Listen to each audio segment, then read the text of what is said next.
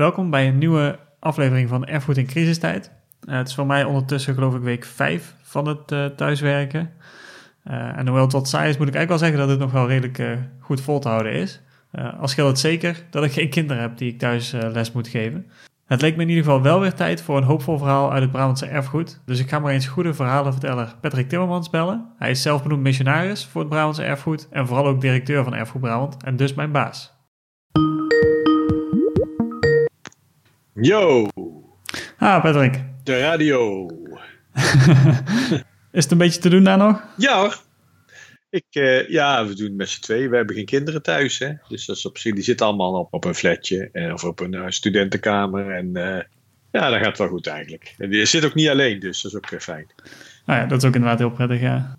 Ik was vanochtend alweer een artikel aan het lezen over uh, dockers en wat er allemaal gebeurt op de IC's nu. En toen dacht ik weer een beetje van, ga ik dan weer lekker artikelen schrijven over Brabants erfgoed? Dus ik denk, ik bel de directeur maar, die me weer op kan, uh, kan peppen. Dus ik ben wel benieuwd uh, hoe jij naar crisis kijkt.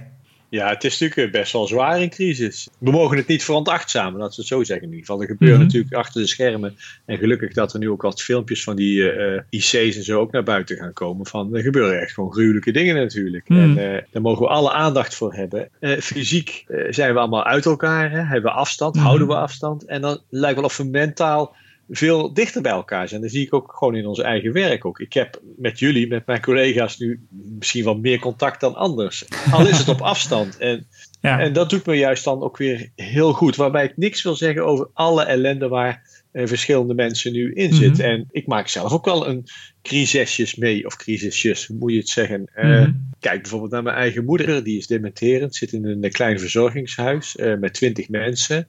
Ik mag daar dus niet naartoe. Mm. Nou, dat doet me pijn, dat doet haar pijn. Want gelukkig vergeet je het dan ook weer, zo nu en dan.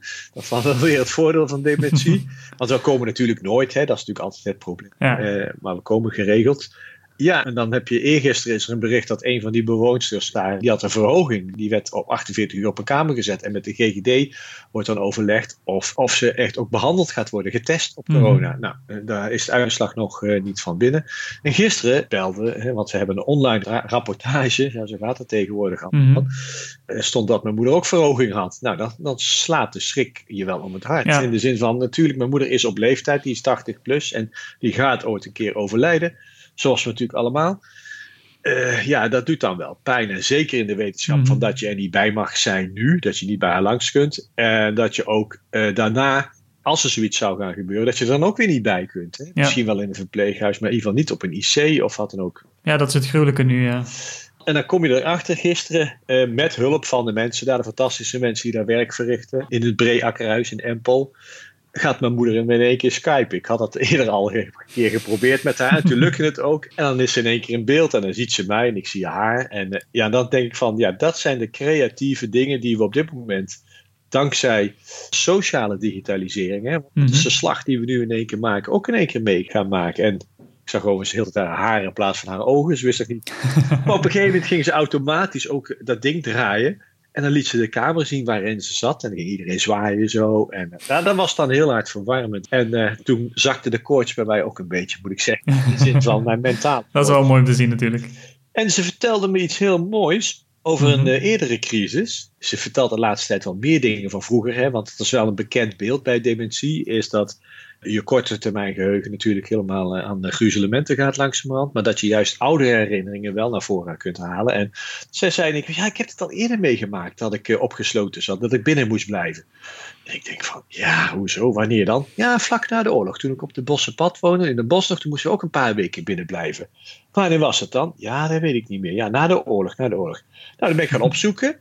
En op internet. En inderdaad is pas geleden ook nog een berichtje over verschenen. Toen het alleen nog maar in China was, het coronavirus. Mm-hmm. Van een grote pokkenepidemie. Die dreigde uit te breken in uh, Tilburg.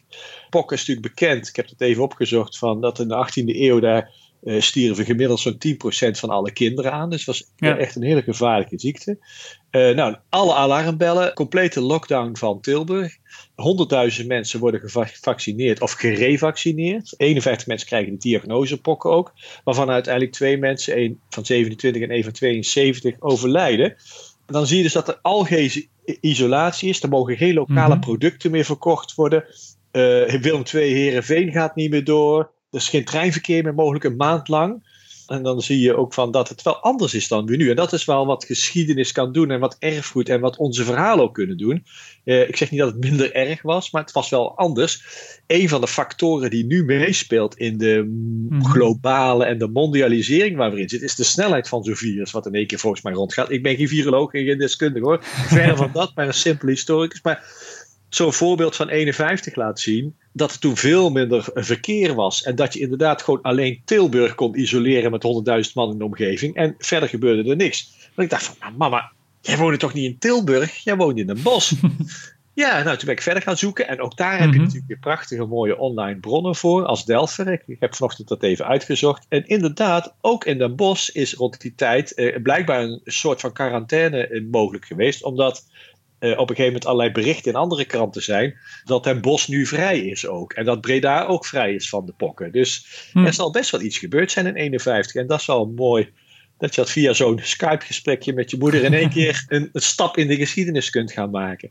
En tegelijkertijd Ja. effect, eh, ervaar je dan dat die geschiedenis ook. Ja, ik vind het geen relativering, want dan ga je weer dingen op een schaal zetten van wat is nou erg en wat is nou minder erg. Ja, het heeft niet zoveel zin om echt zo te gaan vergelijken of zo, nee. Nee, maar het, het zet het wel in perspectief, laten we het dan Ja. zo zeggen. Het geeft Ja. enige reflectie op, op de dagdagelijkse dingen waar we nu in zitten. Dat brengt me dan eigenlijk bij mijn moeder, want wat zij zei zo van eh, 1951, vlak na de oorlog. Hè?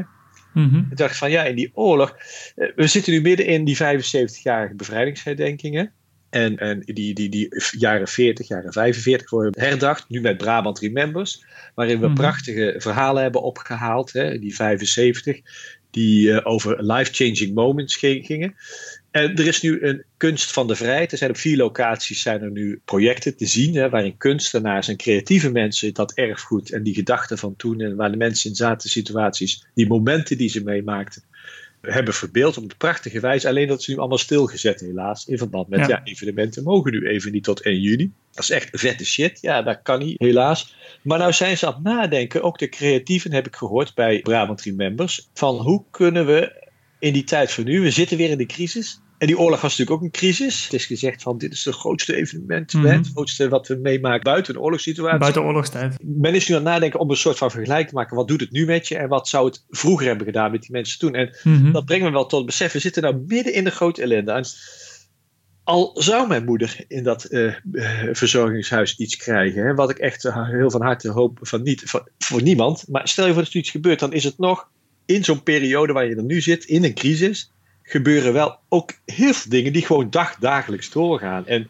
later beschrijven we dit als historici van, weet je nog wel, Mhm. die jaren, die maanden van het voorjaar van 2020, toen we allemaal, want dat zijn allemaal de berichten die we dan dadelijk Ja. hebben, die uit kranten naar voren komen, die we dadelijk al van internetbronnen gaan halen en die we bij elkaar stoppen. En dan hebben we een exposé over, ja, zo zag het er toen uit. Maar het dagelijks leven, ook bij mij hier thuis, gaat heel gewoon door. Ik slaap rustig, ik eet goed, ik hou een wandeling, ik ga hardlopen, ik doe mijn werk zoveel mogelijk. De zon schijnt.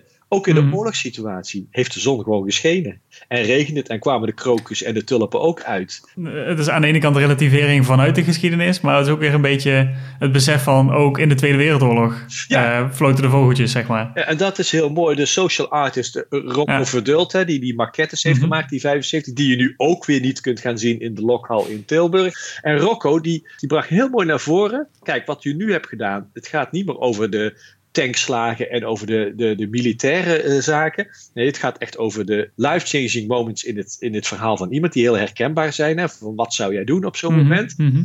Maar wij hebben dat weer, die 75 verhalen hebben we vrij diagoon ingedeeld. Dus over de tijd heen, van mobilisatie tot en met eh, bevrijding. Mhm. Hij zei, wat als je dadelijk is, al die verhalen eens om gaat katten tot eh, de rubriek eten in een crisistijd in oorlog. Of te bed gaan terwijl dat de, de bommen eh, knallen boven je hoofd. Of Dus terug naar het dagelijks leven ja, en ook. humor in oorlog kan dan ook aan Ja. bod komen. Of misschien, oh, ik ben sporter en hoe ging ik om met sport? En eh, hoe had ik communicatie met iemand? Dat zijn hele herkenbare, alledaagse dingen die voor elke crisissituatie kunnen gelden. En wie Mhm. weet moeten we op die manier dadelijk ook wel eens die oorlog gaan benaderen. Wil die nou ook voor een toekomstige generatie ook nog blijven aanslaan in het hart, zeg maar. In de zin van, hey, dit, dit doet mij iets. Los van Ja. alle feiten die we dadelijk hebben geboekstaafd. Ja, en er echt herkenbaar zijn, zeg maar. Ja, precies. En daar helpt misschien deze, deze situatie waar we nu met z'n allen in zitten, helpt daarbij Wat je zegt van dat ook in de oorlog de zon gewoon scheen en uh, de, het dagelijks leven voor een heel groot deel gewoon tussen aanhalingstekens doorging. Misschien voor een groot deel wel. En dan, dan wil ik niks meer, ook weer nogmaals, want als ik mm dat ik allemaal boze mails afdoen voor alle persoonlijk leed dat er is geweest. Uiteraard, heb ik, dat snap ik heel goed. Maar ik denk dat het merendeel van de tijd inderdaad, ja, had je gewoon je dagelijkse gang van zaken. Het is natuurlijk een dooddoener van heb ik jou daar. Maar ja, dat is wel de feit. En ik merk, ik voel dat nu zelf ook in deze tijd van, uh, ja, de, ook de, ja, de, de, mooie dingen, dat klinkt dan ook weer heel zwaar, of, mm. of heel, heel zalvend misschien. Ja. En het, het, doorgaan van het dagelijks leven, wat je zei, dat is ook al iets wat op de een of andere manier een soort van troost of hoop ja. biedt. Van nu, van ja, straks zijn we hier weer doorheen. En met, alle, met al het leed wat erbij hoort en met de mensen die we waarschijnlijk vreselijk genoeg gaan verliezen. En dat kan dan ook weer troost bieden ja. dan. Ja, precies. Ja, ja, heel mooi. De kennis vanuit de geschiedenis dat het dagelijks leven gewoon doorgaat en gegaan is in de geschiedenis. En dat dat eigenlijk ook hoop en troost biedt voor, ja, het gaat gewoon door. En dat is op de een of andere manier ook weer ja, troostgevend in de zin van, nou, uiteindelijk komt het wel weer goed. Ja, dat is ook mijn inborst ook nog eens een keer. Hè? Dat is ook zo'n mantra van mij voor mezelf. Oh, het komt allemaal goed. In the end. We zijn ook nog steeds benieuwd waar jij nu inspiratie en hoop vandaan haalt. Heb je net voor het eerst met videobellen overlegd met je heemkundewerkgroep? Of heb je gelezen over hoe mensen zich vroeger door tegenslagen werkten? Laat een reactie achter op onze social media of mail naar redactie.brabantserfgoed.nl. Ik zag zelf laatst bijvoorbeeld een documentaire over de maanlanding en realiseerde dat de mensheid binnen 70 jaar van een klein hupje in een provisorisch vliegtuig van hout en doek naar de maan is gegaan. En dat gaf me toch ook wel hoop dat we dit virus er snel wel onder gaan krijgen. Na de vorige aflevering hebben we een aantal reacties binnengekregen. Uh, en je gaat er nu twee horen. Uh, allereerst hoor je Mercedes en daarna hoor je Rianne. We leven natuurlijk in een hele gekke tijd waarbij we allemaal thuis zitten. En uh, ja, nou, dan kun je wel eens gaan vervelen natuurlijk. volgens mij herkent vrijwel iedereen zich daar op dit moment in. Verveling komt natuurlijk niet alleen nu voor. Het bestaat natuurlijk al eeuwen. En ja, ik liep tegen een artikel aan, maar op dit moment wel inspireerde. Juist vanwege hoe creatief mensen omgingen vroeger met verveling. En dat artikel is geschreven door Wouter Loef.